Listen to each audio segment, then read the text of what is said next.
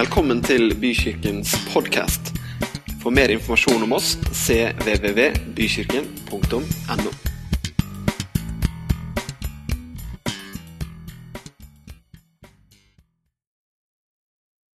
kaster bekymringene våre på deg, Herre. Vi løfter det som ligger på vårt hjerte, det løfter vi opp på deg nå, Herre. Og så lener vi oss på deg og stoler på deg, for vi vet at du kan gjøre alle ting. Takker deg, Herre. Priser deg, Far. Amen. Amen. Da kan du få lov å sette deg ned. Så bra. Det er jo veldig gøy å se dere, da. Koselig å se noen som jeg har sett mange ganger, noen, ganger, noen som jeg sett, knapt har sett, noen som jeg aldri har sett før. Eh, spesielt velkommen til absolutt alle. Det er fantastisk at det er søndag, er det ikke det? Jeg kjenner at det er mye sånn eh... Nei da. Er du glad for at det er søndag? Søndag er den beste dagen i uka, vet du. Syns jeg, da. Noen syns jo liksom at det er starten på uka, for andre er det avslutningen. Det kan du velge, men det jeg er glad for, det er at vi er her. Og jeg regner med at du har fått det med deg, da. Det er jo et par personer i kongeriket Norge som har fått eh, litt større oppmerksomhet de siste dagene enn resten av oss. Noen som kan gjette på hvem jeg snakker om? Altså, Det er jo noen på en måte som har gitt eh, en viss eh, mediebransje mer kjøtt og kverne enn normalt. Ingen som vet hvem jeg kanskje snakker om? Jeg tør ikke å si det i kjerka, dere. The Princess and the Shaman. Men du vet, jeg har faktisk tenkt å ta det et tak opp. The King and the Lord. For du vet at det er fint å være prinsesse. Slapp av, vi skal ikke snakke om sjamaner i dag. Noen begynte å bli urolige nå. Men vi skal snakke om noe som er eh, noen hakk høyere over. Vi skal snakke om eh, kongen og herren. Så skal du få se hva som skjuler seg bak. Jeg må bare si at Det var liksom ikke prinsessen eller sjamanen som, eh, som var inspirasjon til preken. altså På ingen måte. Men har dere sett én ting? Og det syns jeg er kult. vet du. Vi som holder på med kirke. Det som er kult og bra, og som jeg tror er veldig eh, Hva skal man si? Egentlig veldig sånn spot on. Det er jo noen av de kommentarene de som forsvarer prinsessen og sjamanen, kommer med. Har du fått med deg noen av de? Ja, folk lengter jo. Ja, det finnes jo noe mer. Det er ikke bare det vi ser. Og alt det er jo veldig bibelsk og sant, så det heier jeg jo på. Det er fint at noen faktisk setter noen ord på at ikke vi bare er brutto nasjonalprodukt og årslønn. At det faktisk er et par andre ting vi mennesker også består av. Og I dag så har jeg lyst til å fortelle en historie om en mann som eh, har satt store spor i hele verdenshistorien. En konge. Og den kongen er faktisk ganske så spesiell. For det første så ble han konge veldig ung. Og så er han en konge, kanskje den kongen man i størst grad i, opp gjennom historien refererer til. Davids sønn Salomo han var ca. 20 år når han ble konge. Og Han var en veldig spesiell konge. For, det er jo han som har skrevet Salomos ordspråk. Det hadde du kanskje allerede skjønt. Salomos høysang. Du hadde fått med at det var han som hadde skrevet den også. Det er han som har skrevet Forkynnerens bok. Og Jeg vet ikke hva slags forhold du har til de delene av Bibelen, men for noen år siden så brukte jeg Salomos ordspråk. Det er 31 ordspråk, og det er jo maks 31 dager i en måned. Så jeg brukte det som sånn eh, bibelkalender for meg sjøl. Jeg leste et ordspråk på hver dato. Eh, utfordringen er at det er såpass mye visdom da, i de ordspråkene at du eh, klarer jo ikke å svelge alt på én dag. Så noen ganger så ble jeg jo bladene mye fram og tilbake. kan du si. Men det er jo altså verdensvisdom. Eh, altså Det er kunnskap, det er visdom og innsikt i verdensklasse. Ta hvilken som helst disiplin, for å si det sånn. Altså Han har beskrevet det, og det er helt fantastisk hva som står der. Når han var 20 år, cirka, så overtok han tronen etter sin far David. Han fikk et spesielt oppdrag. Du skal bygge tempelet. David fikk ikke lov til å bygge tempo, tempelet. Eh, David han hadde vært en stor kriger, og i Bibelen så står det at han han, han hadde blod på hendene. Derfor så fikk han ikke bygge tempelet. Men Salomo fikk dette oppdraget. Og så skjer det noe spesielt. Og Det er det som er hele utgangspunktet til at Salomo er den han, eh, eller ble den han var. Fordi at uh, Salomo møter Herren.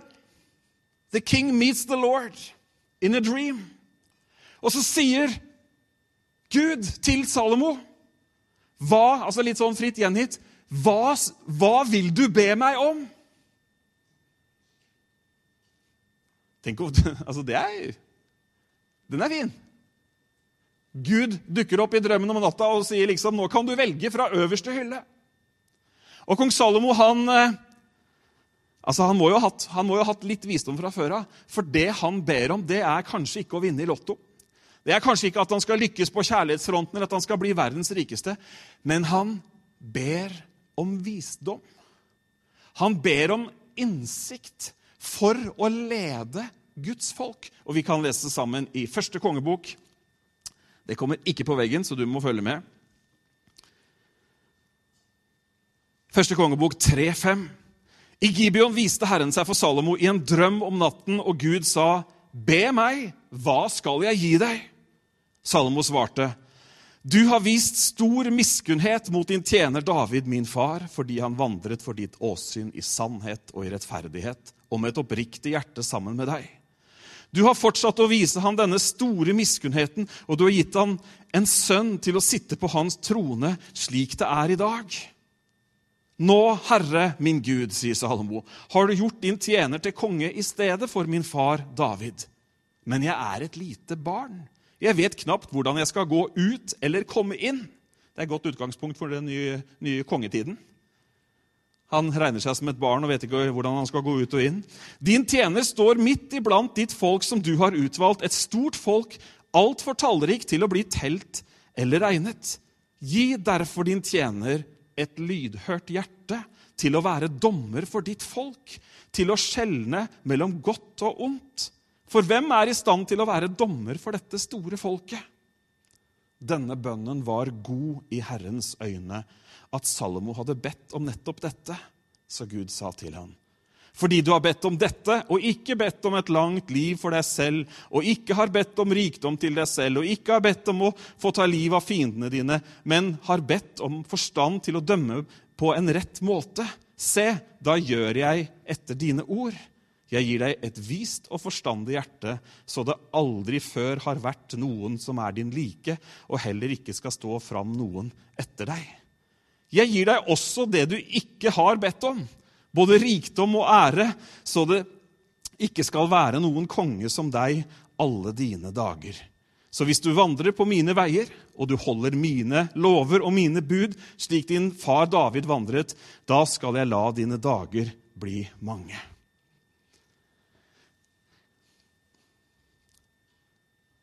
For en start! For en konge! For en mulighet å liksom ha fått beskjed fra Herren om at du kan be om hva du vil, og så få det du ber om. Og vet du hva? Det gikk kjempebra. David, eh, eh Davids sønn Salomo han ble en konge, og han hadde en visdom som gjorde at rikene rundt, altså stormennene og herskerne i rikene rundt, de hørte ryktene om Salomos visdom. Dronningen av Saba hun kom og satt og hørte hva han sa, og de andre herskerne de kom for å høre hva denne mannen sa. Noen av dere husker kanskje historien om de to kvinnene som kom til han med et barn og krangla om hvem som egentlig eide barnet. Husker dere den historien? Han dømte så vist denne historien, du kan lese den sjøl når du kommer hjem, at, at, at, ryktene bare spredde seg. Hvorfor? Jo, fordi han hadde Søkt først Guds rike, som Jesus sier i Matteus 6, 33. Søk først Guds rike og hans rettferdighet, så skal dere få alt det andre i tillegg. Tiden som fulgte, ble det man kaller for Israels storhetstid. Det var fred, det var velstand, det var enorm produksjon. Det er morsomt å lese tallene på hva de ulike provinsene produserer. Det er, helt fantastisk under Salomos herredømme. Han er vis, han har innsikt, han dømmer rett, og ting går veldig bra. Og jeg vet ikke om du føler deg helt som kong Salomo. Men det er nå engang sånn med oss mennesker, da, enten vi kan identifisere oss veldig med kong Salomo eller ikke, at når ting går bra Da syns vi det er veldig bra. Da vokser selvbildet vårt. Da vokser synet på hva man er i stand til. Da føler man seg sterk. Da føler man at man liksom OK, jeg fikser livet. Noen som fikser livet her? Kom igjen, da, vær litt med på. Nei, det er ingen som fikser livet. Ok, veldig, Dere er der i dag, ja. Ok, Vi får se hvor dere er etterpå, da. Nei, men Dere er litt med på tanken, ikke sant? Jeg har fullført det, fått meg det, skaffa det. Ting er liksom på stell. Der var kong Salomo. Ting var skikkelig på stell. Det gikk kjempebra. Han levde etter Herrens forskrifter. Han videreførte arven fra faren sin. Han tjente Gud. og skal, altså, altså, bygde han tempelet i løpet av sju år. og Du skal lese den der bønnen du, til kong Salomo litt seinere i første kongebok. Når han liksom åpner tempelet. Det er jo bare Wow! Kan man be så fint? tenkte jeg når jeg leste det. Altså, ting går kjempebra. Han følger Guds bud. Han fikser livet. Og akkurat hva som skjer, det vet jeg ikke, men i alle fall så begynner en endring å skje i, i Salomos liv. For det første så har han gifta seg med dattera til farao. Da har vi liksom ordna opp med Egypt. ikke sant? Gift deg med dattera til kongen, og da blir det med en gang mer fredelig. Det var bare det at Gud hadde gitt dem et påbud om at ikke de skulle gifte seg med kvinner fra de omkringliggende folkeslagene. Men Salomo gjør det motsatte av det, konge, av det, av det Guds ord har sagt. For det første så er man et eksempel som konge. Og for det andre så vil ikke Gud at freden i riket skulle bestå av politiske allianser og, og, og, og veldig sånne realpolitiske eh, ekteskap. Nei, han ville at han skulle stole på han. Men han kjører på, vet du. Så han gifter seg med moabitten og duppedittene og alle, alle ittene rundt som fins i hele området. Og det blir ganske voldsomt. Og eh, til slutt så har han 700 hustruer. Og du som syns at én svigermor er nok, du kan jo tenke deg. Og han drar på litt til, så han har 300 medhustruer også.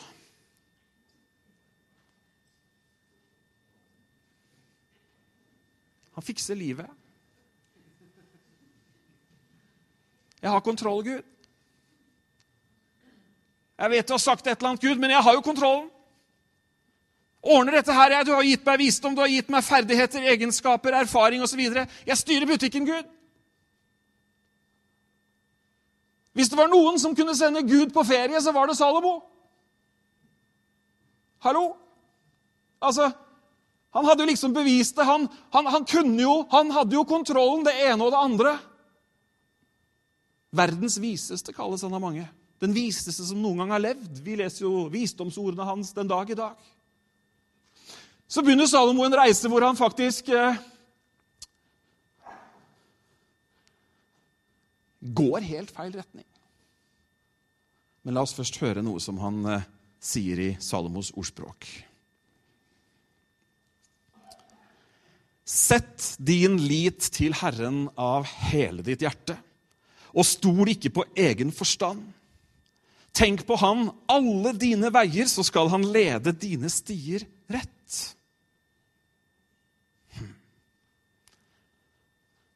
Han har skjønt én ting.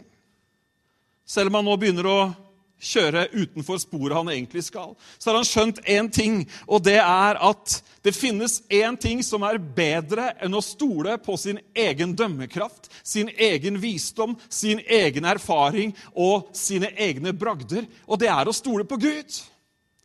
Det var det hans far David hadde gjort. David, Vi kunne snakka mye om David, men David han, altså det, det er jo Tusenvis av sider nei, det er ikke det, hundrevis av sider med historier om David. Og David han gjorde mye rart. Han gjorde mye feil. Han slo i hjel folk. Han, altså, han ordna og styra. ikke sant? Bare måten han fikk seg en ny kone på på slutten. Batseba, for øvrig mora til Salomo. Men om David så står det allikevel at han var en mann etter Guds hjerte. Og denne arven har Salomo. Og denne visdommen deler han, og denne visdommen snakker vi om i dag. Sett din lit til Herren av hele ditt hjerte. Stol ikke på egen forstand. Hm. Jeg sa at hvis det er en som hadde grunn til å sende Gud på ferie, så er det Salomo. Hvis det er en som har grunn til å stole på sin egen forstand, så er det også Salomo. Men han sier noe annet enn det han gjør. Han sier ikke stol på hjertet ditt. Stol på Gud av hele ditt hjerte. Sett din lit til Han. Og du vet Det er som om, er som om Salomo står der, eller sitter der på tronen sin, og så har han Guds klare tale, Guds løfter, sannheten, det han hadde hørt fra sin far, det han hadde levd For han, jo, han hadde, levde jo tydeligvis med Gud. Det er som om han har det perspektivet liksom i den ene, i det, den ene linsa si. Og så har han en annen linse, han har et annet perspektiv samtidig. Og det er et rike som har framgang.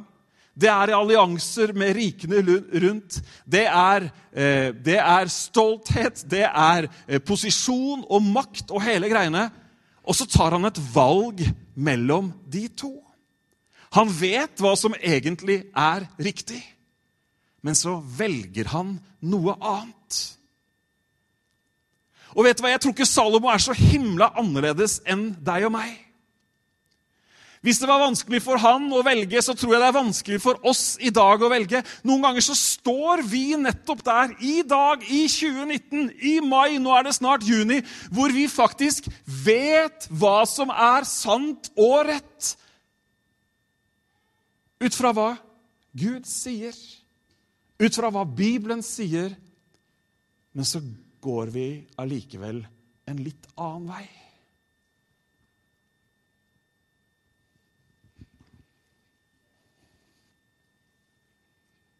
Noen ganger så kommer måten vi ser ting på, måten vi tenker om noe på, kommer i konflikt med Guds ord. De evige sannheter fra himmelens og jordens skaper. Noen ganger så virker det som om det som vi syns er fornuft, eller fornuftig, er helt annerledes enn Guds åpenbare vilje. Og hva gjør vi da, folkens? Det er spørsmålet. Spørsmålet Salomo står for, var hva gjør jeg nå? Mine nærmeste rådgivere sier mer, mer, ta mer land, styrk din posisjon. Du har jo 700 hustruer, så hvorfor ikke ta 701? Så har du kontroll over det stammeområdet der også. Hallo? Nå er vi jo i god utvikling. For det er jo rikere vi skal bli, det er jo større vi skal bli, og det er jo mer fulle av oss sjøl vi skal bli. Hva gjør vi da? Jo, da må vi faktisk velge. Sett din lit til Herren av hele ditt hjerte, og stol ikke på egen forstand. Altså, Dette er jo helt sprøtt å snakke om at vi ikke skal stole på vår egen forstand. Noen som eh, er litt enig? Jeg er jo ganske smart, da. Jeg har jo levd noen somre før, noen vintre òg for øvrig. Har jo jobba der og gjort det og kan det og vet det. Og så sier den viseste mannen i verden, stol ikke på din egen forstand. Han sier at det finnes noe større å stole på. Han sier at det finnes noe sterkere å lene seg mot. Han sier, 'Sett din lit til Herren av hele ditt hjerte'. Dere vet hva jeg tror? Jeg har en påstand i dag. Så kan du tenke hva du syns om den påstanden. Jeg tror at Gud vet best.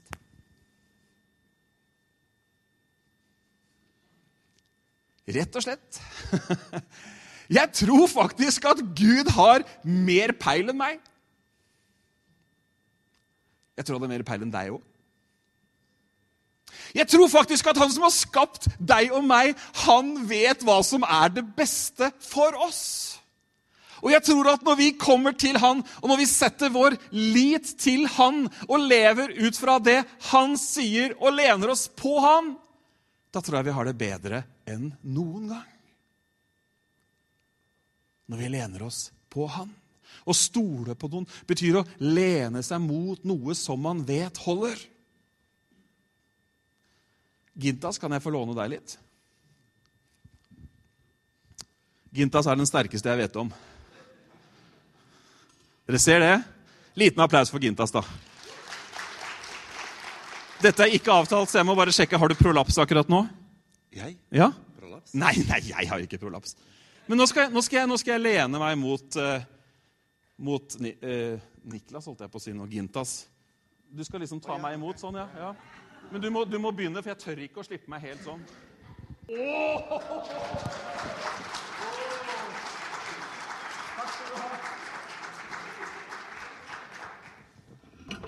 Men det er det som er å stole Det er det som er å stole Nå snudde den feil vei. Kan man snu Bibelen sånn, ja. Fint. Verre var det ikke. Å lene seg på Gud og sette sin lit til Han. Jeg tror vi har samme utfordringen i dag i 2019 som Salomo hadde. Salomo valgte dessverre feil. Den fantastiske historien om dette riket som vokste, om freden, om storhetstiden til Israel, endte helt elendig. Ene og alene pga. at Gud hadde gitt et løfte, så skjedde ikke de verste tingene mens Salomo levde. For Gud hadde lova at 'jeg skal ikke splitte alt, jeg skal ikke ødelegge alt mens du lever'. For det er faktisk lova. Men i det øyeblikk Salomo var død, og han der Rehabab eller hva han het for noe, han sønnen overtok, så brøyt helvete løs. Altså, disse hustruene til Salomo Det var jo hustruene som hadde feilen, selvfølgelig. Nei da. Men det står i Bibelen ja, men hustru eller menn, det spiller ingen rolle. De hadde andre guder. Og det står at eh, de bøyde hjertet til Salomo bort fra den levende Gud. Det skjedde gradvis. Det var ikke sånn over natta. Men det var en som sa ja, vi tar litt fra den der Astarte-guden. Vi tar litt fra det, vi tar litt fra det. Og vet du hva? Ting som Salomo i sine første år hadde vilt straffe med døden, de tillot han noen år seinere grove forbrytelser og det ene og det andre som han liksom Må Gud forby at det skjer, for det er jo virkelig ikke Guds vilje. Plutselig så var det også greit. Og det er sånn det skjer noen ganger. Det skjer litt sånn gradvis.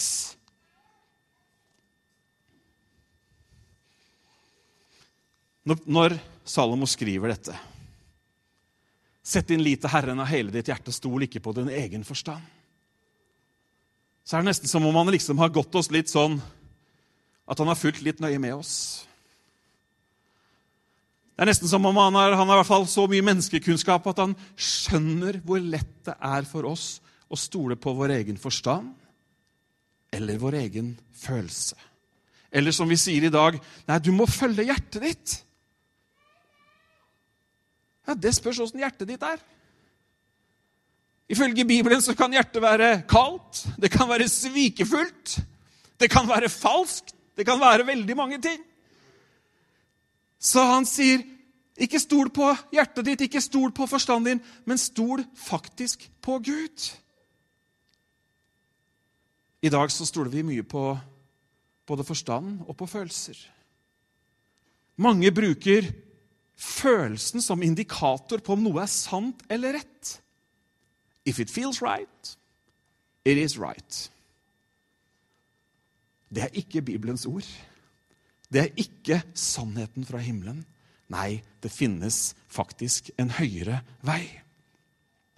Å sette sin lit til Herren, dere, det handler faktisk om når man kommer til de situasjonene hvor kanskje forstanden sier én ting, og du vet at Guds åpenbare vilje er annerledes, så krever det at vi faktisk gjør et valg. Ok, Gud, da stoler jeg på deg. Ok, da, Da velger jeg faktisk å stå på det ordet som du har sagt, dette som er din vilje, og så følger jeg det. Og så tror jeg at det er det som bringer velsignelse og beskyttelse osv. Noen ganger kan det være vanskelig. Andre ganger så er det jo full match da, med både forstanden og hva, hva Gud sier. ikke sant? Du vet det, det, det går an, det òg. Sitter ikke her og sier at alle tenker motsatt av hva Gud tenker. Nei, nei, nei, Det er noe fantastisk vet du, som heter sinnets fornyelse, som gjør at når man hører Guds ord, og når man ber, og når man er sammen med Herren, og når man er sammen med andre troende osv., så, videre, så blir sinnet fornyet sånn at vi vet hva som er Guds gode vilje. Ikke sant? Romerne 12. Så det er jo ikke det at, Jeg prøver jo ikke å si at nå er vi alle liksom, vi er, vi er som Salomo, hele gjengen her. Nei da. Men jeg tror, og jeg vet, at vi står ved valg når Gud sier noe, Hans ord står tydelig på noe. Og Da snakker jeg ikke om teologiske spissfindigheter som det er 418 millioner meninger om. Da snakker jeg om Guds tydelige, åpenbare vilje. Ok? Du henger med? Men hva sier han videre? Han sier Tenk på Han alle dine veier, så skal Han lede deg rett. Hm. Tenk, tenk. Vi tenker at det er en sånn flyktig tanke. Men å tenke på Herren og tenke på Gud, det betyr noe mer, faktisk. Det betyr at man anerkjenner Han for den Han er, det Han gjør, og gir en respons på det. Det er å tenke på Gud. Det er å ta Gud inn i tanken, inn i eksistensen vår. Henger du med? Så å tenke på Gud er ikke å dukke opp i kjerka et par ganger i året og liksom Ja, nå har jeg tenkt på deg, Gud! Så da tenker jeg jo at alle veiene mine skal gå rett. Nei, å tenke på Gud er å ta Guds autoritet, hans farskap, hans ledelse inn i livet vårt og anerkjenne og tilbe Han. Du er Gud, og jeg er ikke Gud, og derfor så hører jeg faktisk på det du sier. Er du med? Mange tror at det holder med at man bare ja, men jeg har tenkt litt på Gud. Det går fint. Nei, det er ikke sånn i det hele tatt. Og det er heller ikke sånn at vi skal tenke på Han på noen av veiene eller noen av delene av livet vårt. Nei, tenk på Han på alle dine veier. Ja, men jeg tenker jo på Han hver søndag formiddag.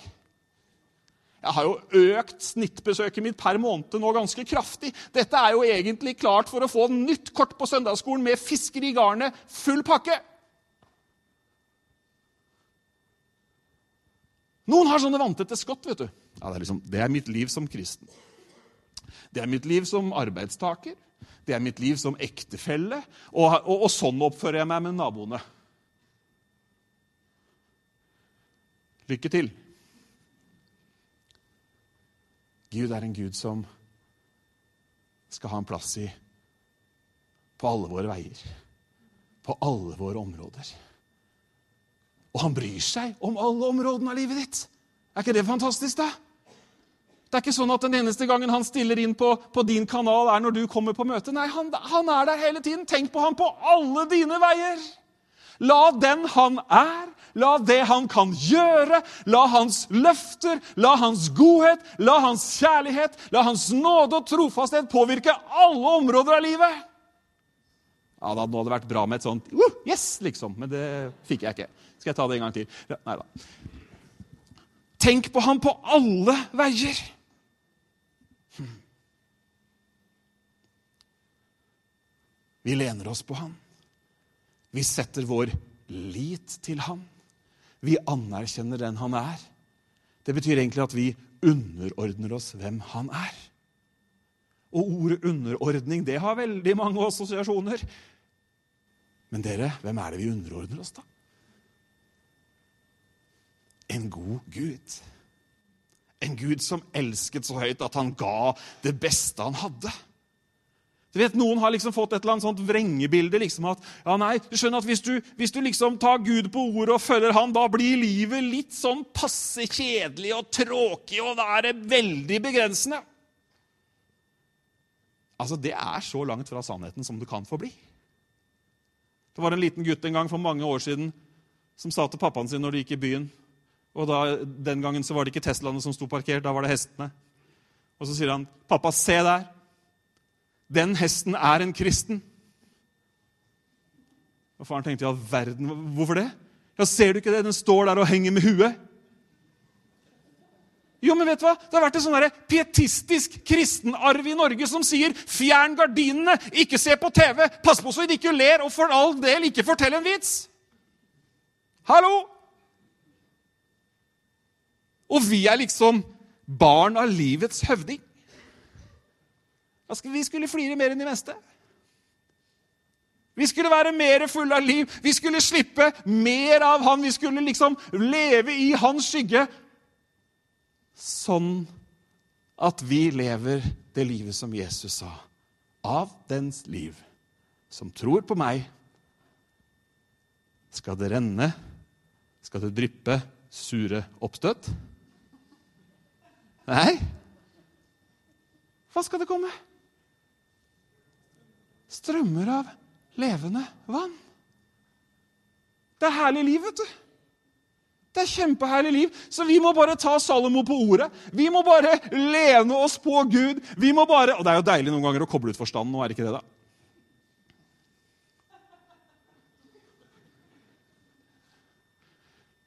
Noen vet mer hva det er, enn andre.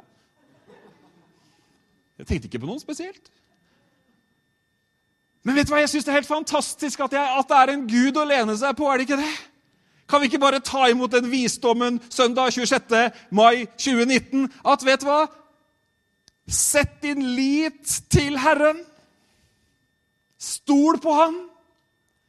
Til og med når det virker ufornuftig. Til og med når han sier noe som opinionen ikke backer. Du skal ikke gjøre mye utenfor A4-nordmannen før folk rynker på nesa. Du skal egentlig, bare egentlig Egentlig så skal du bare begynne å gå i, gå i kirka hver søndag.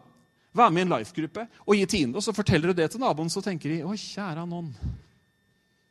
Å ja, dere driver med sånt.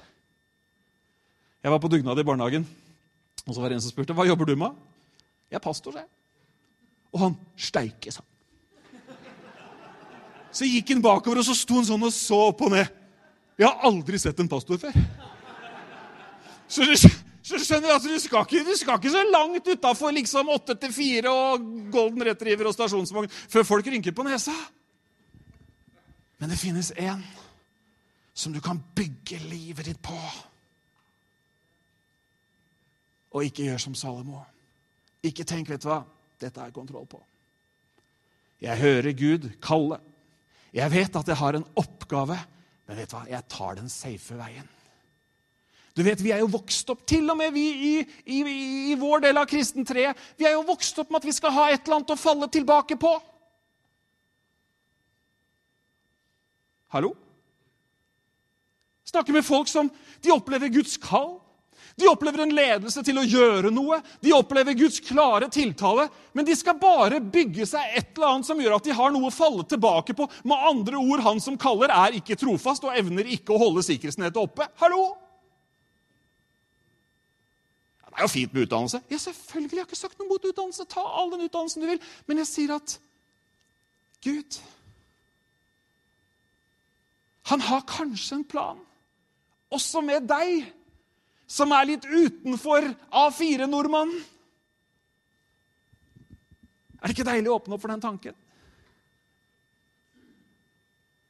Oi, kanskje Gud har latt meg bli meg? I denne generasjonen, for denne tiden, fordi at han faktisk har tenkt å la sitt rike vokse kraftig. Amen. Det var ikke noe amen her heller, men det er greit. Du skjønner, Vi holder på med det vi gjør her i bykirken fordi at vi tror at Guds rike er et vekstrike. Vi tror at du som kommer hit, og som er en del av kirka her, og du som vurderer å bli en del av kirka her, vi tror at Gud han kaller folk i dag fordi at han har lyst til at mange flere skal få noen å lene seg på. At mange flere skal få noen å sette sin lit til. At noen skal få oppleve en kjærlighet som er betingelsesløs. At noen skal få oppleve en nåde som er uten grenser. At flere skal få oppleve at det finnes en trofast Gud som holder gjennom alt. Amen. Det er derfor vi holder på, skjønner du. Det er ikke noen annen grunn. Altså, Vi er ikke, vi er ikke leverandør av religiøse opplevelser på søndag formiddag. Da finnes det andre bygg. Det er høyere under taket, det er kaldere vegger, og det er vondere seter. Nei, jeg tenkte ikke på noe spesielt. Nei, men Er du med på tanken? Dere, Gud han ville jo at Salomo skulle leve livet sammen med han, sånn at hans rike virkelig kunne få en storhetstid. Virkelig kunne gå fram. Det riket som Hvorfor var det riket så viktig? Det var Guds folk. Det var gjennom det folket Jesus Kristus ble født. Halleluja. Det har jeg ikke sagt i dag. Så nå kom den. Yes. Går det bra med deg fortsatt, eller?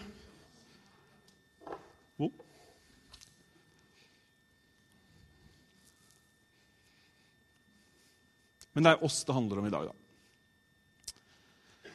Historien om Salomo i seg sjøl er kjempeinspirerende, og jeg anbefaler deg å lese den. Og ikke minst så anbefaler jeg deg å lese Salomos ordspråk.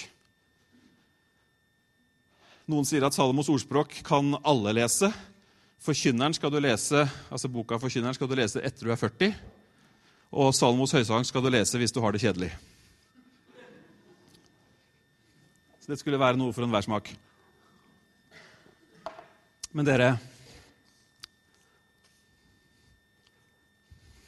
Innerst inne så tenker nok du og jeg og legg merke til at jeg tok med meg sjøl også. Vi tenker at vi har informasjon nok. Vi tenker at vi vet egentlig nok. Og så lenge vi har Internett, så kan vi google. Og jeg tror at vi alle innerst inne tenker at vi er jo såpass smarte at vi tar jo ikke noen valg som gir et negativt utfall. Gjør vi vel det? Hæ? Du vet, Et av liksom mantraene i blant en del folk jeg møter, det er liksom at det går jo bra til slutt. Gjør det det? Altså, sånn, nå, nå snakker vi sånn ærlig, folkens. Ja, så noen drar ja, ja, til slutt er det oppstandelsen og perlepor altså, jeg, er liksom, jeg er liksom ikke der.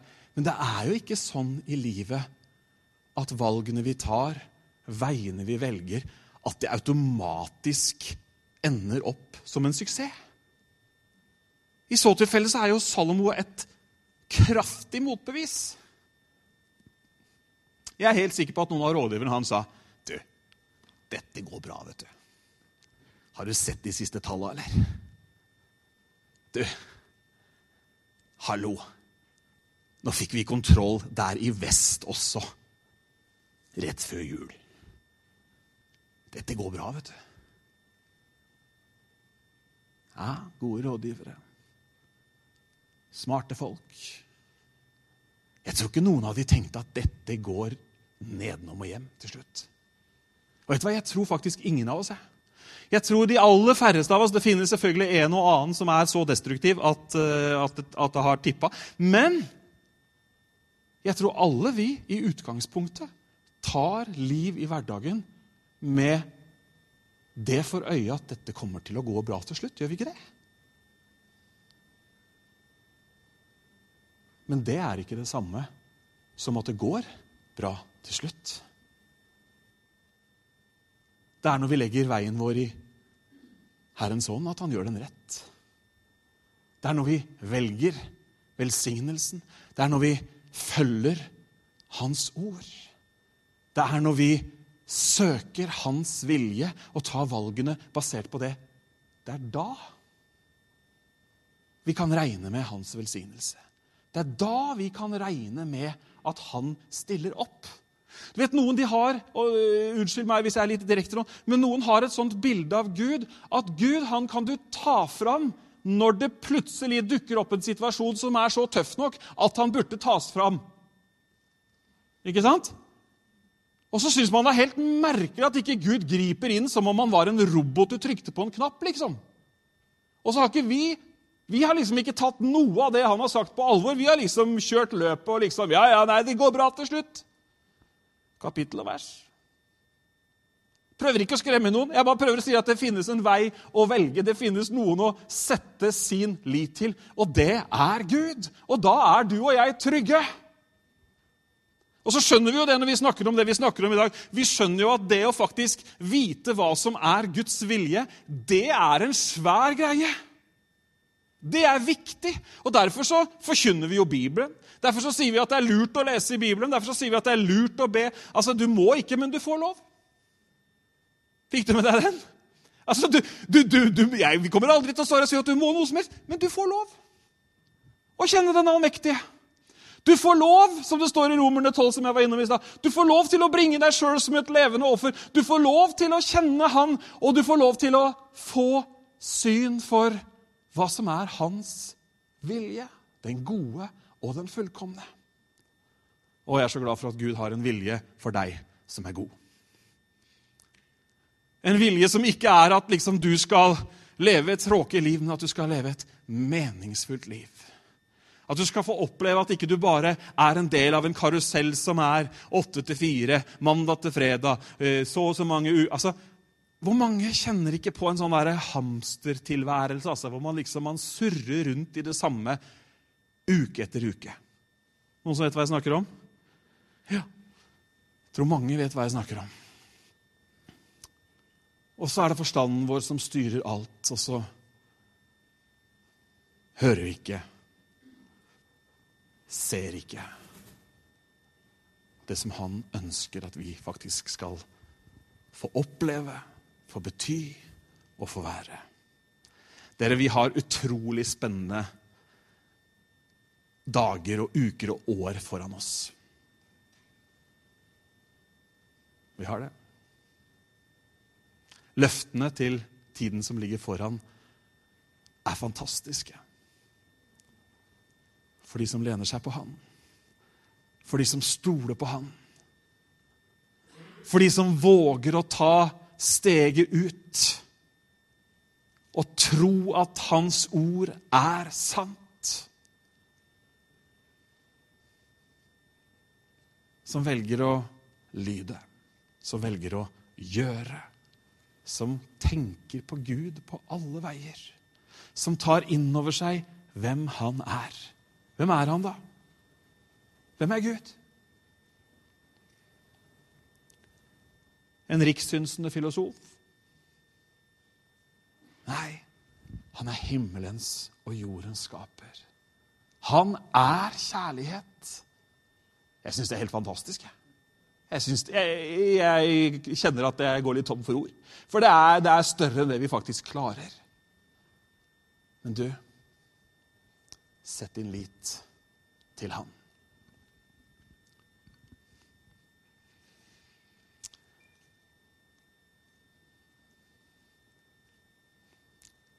Jeg tror det er lettere å havne der hvor Salomo havna enn det Salomo sjøl hadde tenkt at det skulle være. Vi tenker ofte at vi tar det ikke så nøye. Eller vi Litt går bra, vet du. Bibelen eh, har faktisk et par sånne advarsler. Den sier, 'Du som står, se til at du ikke faller'. Hm. Altså Med andre ord, det er, det er en aktiv handling fra vår side som som vi må ta på alvor. Jesus han gjør det veldig tydelig og sier at vi må ta opp korset vårt og følge ham. Hallo? Ja, men Det er det som er å være en disippel. Det å være en disippel, det å være en etterfølger av Jesus, handler faktisk om at det er noen ting vi ikke gjør, og noen ting vi gjør. Hvorfor? Jo, fordi at vi ønsker å bli stående. Du vet, Gud han ønsker at du og jeg skal lykkes Oi, her var det et trinn. Han ønsker at vi skal lykkes mer enn vi ønsker at vi skal lykkes sjøl. Men så tror noen at Gud han er en sånn der, han er liksom ikke en god far, men han er en sånn der kontrollør som liksom tick off, tick off når vi oppfyller visse krav. Nei, det er ikke sånn i det hele tatt. Tenk hvis jeg som far det jeg liksom var opptatt av, det var om Emily hadde fullført mandagsskjema. Og om Philip hadde gjort pliktene på søndag. Det er jo ikke det jeg som far er interessert i. er det det? Hallo! Denne, her, denne boka her er en historie om en kjærlig Gud som elsker og som vil ha en relasjon. Og det er tydeligvis ikke så viktig da, Nå prøver jeg ikke å snakke feiltrinn ned eller opp, men det er tydeligvis ikke så viktig om vi går feil i ny og ne, så lenge vi nok en gang lener oss på Gud og vender oss mot ham. Jeg nevnte jo David i stad, en mann etter Guds hjerte. Vet, Gud er ikke liksom interessert i at du liksom skal, du, du, du, skal liksom, du skal fullføre alt og det ene og det andre. Nei, han sier du skal elske Herren din Gud. Av hele ditt hjerte, av hele din sjel og av all din forstand. På dette hviler loven og profetene. De kommer og spør Jesus ikke sant, hva er det største budet. Du skal lene deg på Gud. Du skal bruke Du skal ta all din tillit, alt det du er, og så skal du gi det til Han. Det er vår del. Og da kan vi være med absolutt alle sammen. Fantastisk. Dere, vi skal be sammen til slutt. Vi kan reise oss, og så skal Stian og gjengen ta oss med i en lovsang. Jeg tror at Når vi har snakka om de tingene som vi har snakka om i dag, så er, det, så er vi på veldig sånn ulike Vi er i ulike posisjoner i forhold til dette her. Og jeg bare, vil bare invitere og oppfordre deg til, når du kommer hjem, å ta tid til å tenke på Herren på alle dine veier. Du vet, Vi har en sånn zup-zup-zup-kultur. altså vi, vi, skifter, vi skifter hva skal man si, vi skifter eh, rom og sted og fokus så utrolig fort. Men kjære dere this, I mean this from the bottom of my heart. Take some time.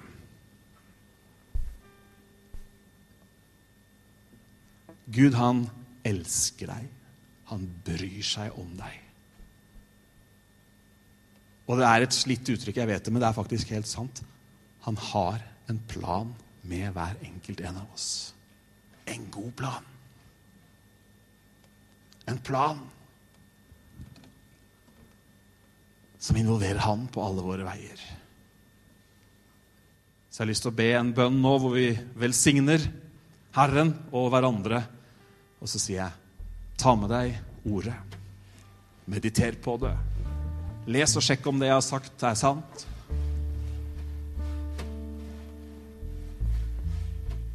Og så er jeg helt, helt overbevist om at hvis du klarer å være litt stille og holde munn og rydde litt plass, så vil Gud, han vil lede deg i det neste steget du skal ta. Det er sjelden sånn at vi ser liksom hvert eneste steg de nærmeste 20 årene. Men han legger ned noe ned i oss. Han har omsorg for oss. Kjære far, jeg takker deg for ditt levende ord. Takker deg for din enorme kjærlighet. Din enorme omsorg for oss, Herre. Og du er så mye større enn vi kan uttrykke med ord.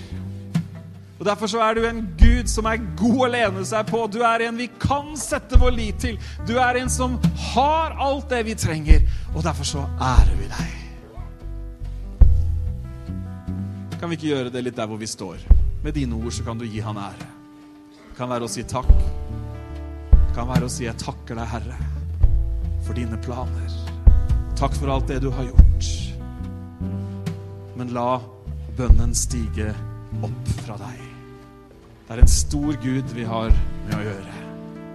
Han er fantastisk. Og han kan du stole på. Han kan du sette din lit til. Han kan du bygge livet på. Fantastisk.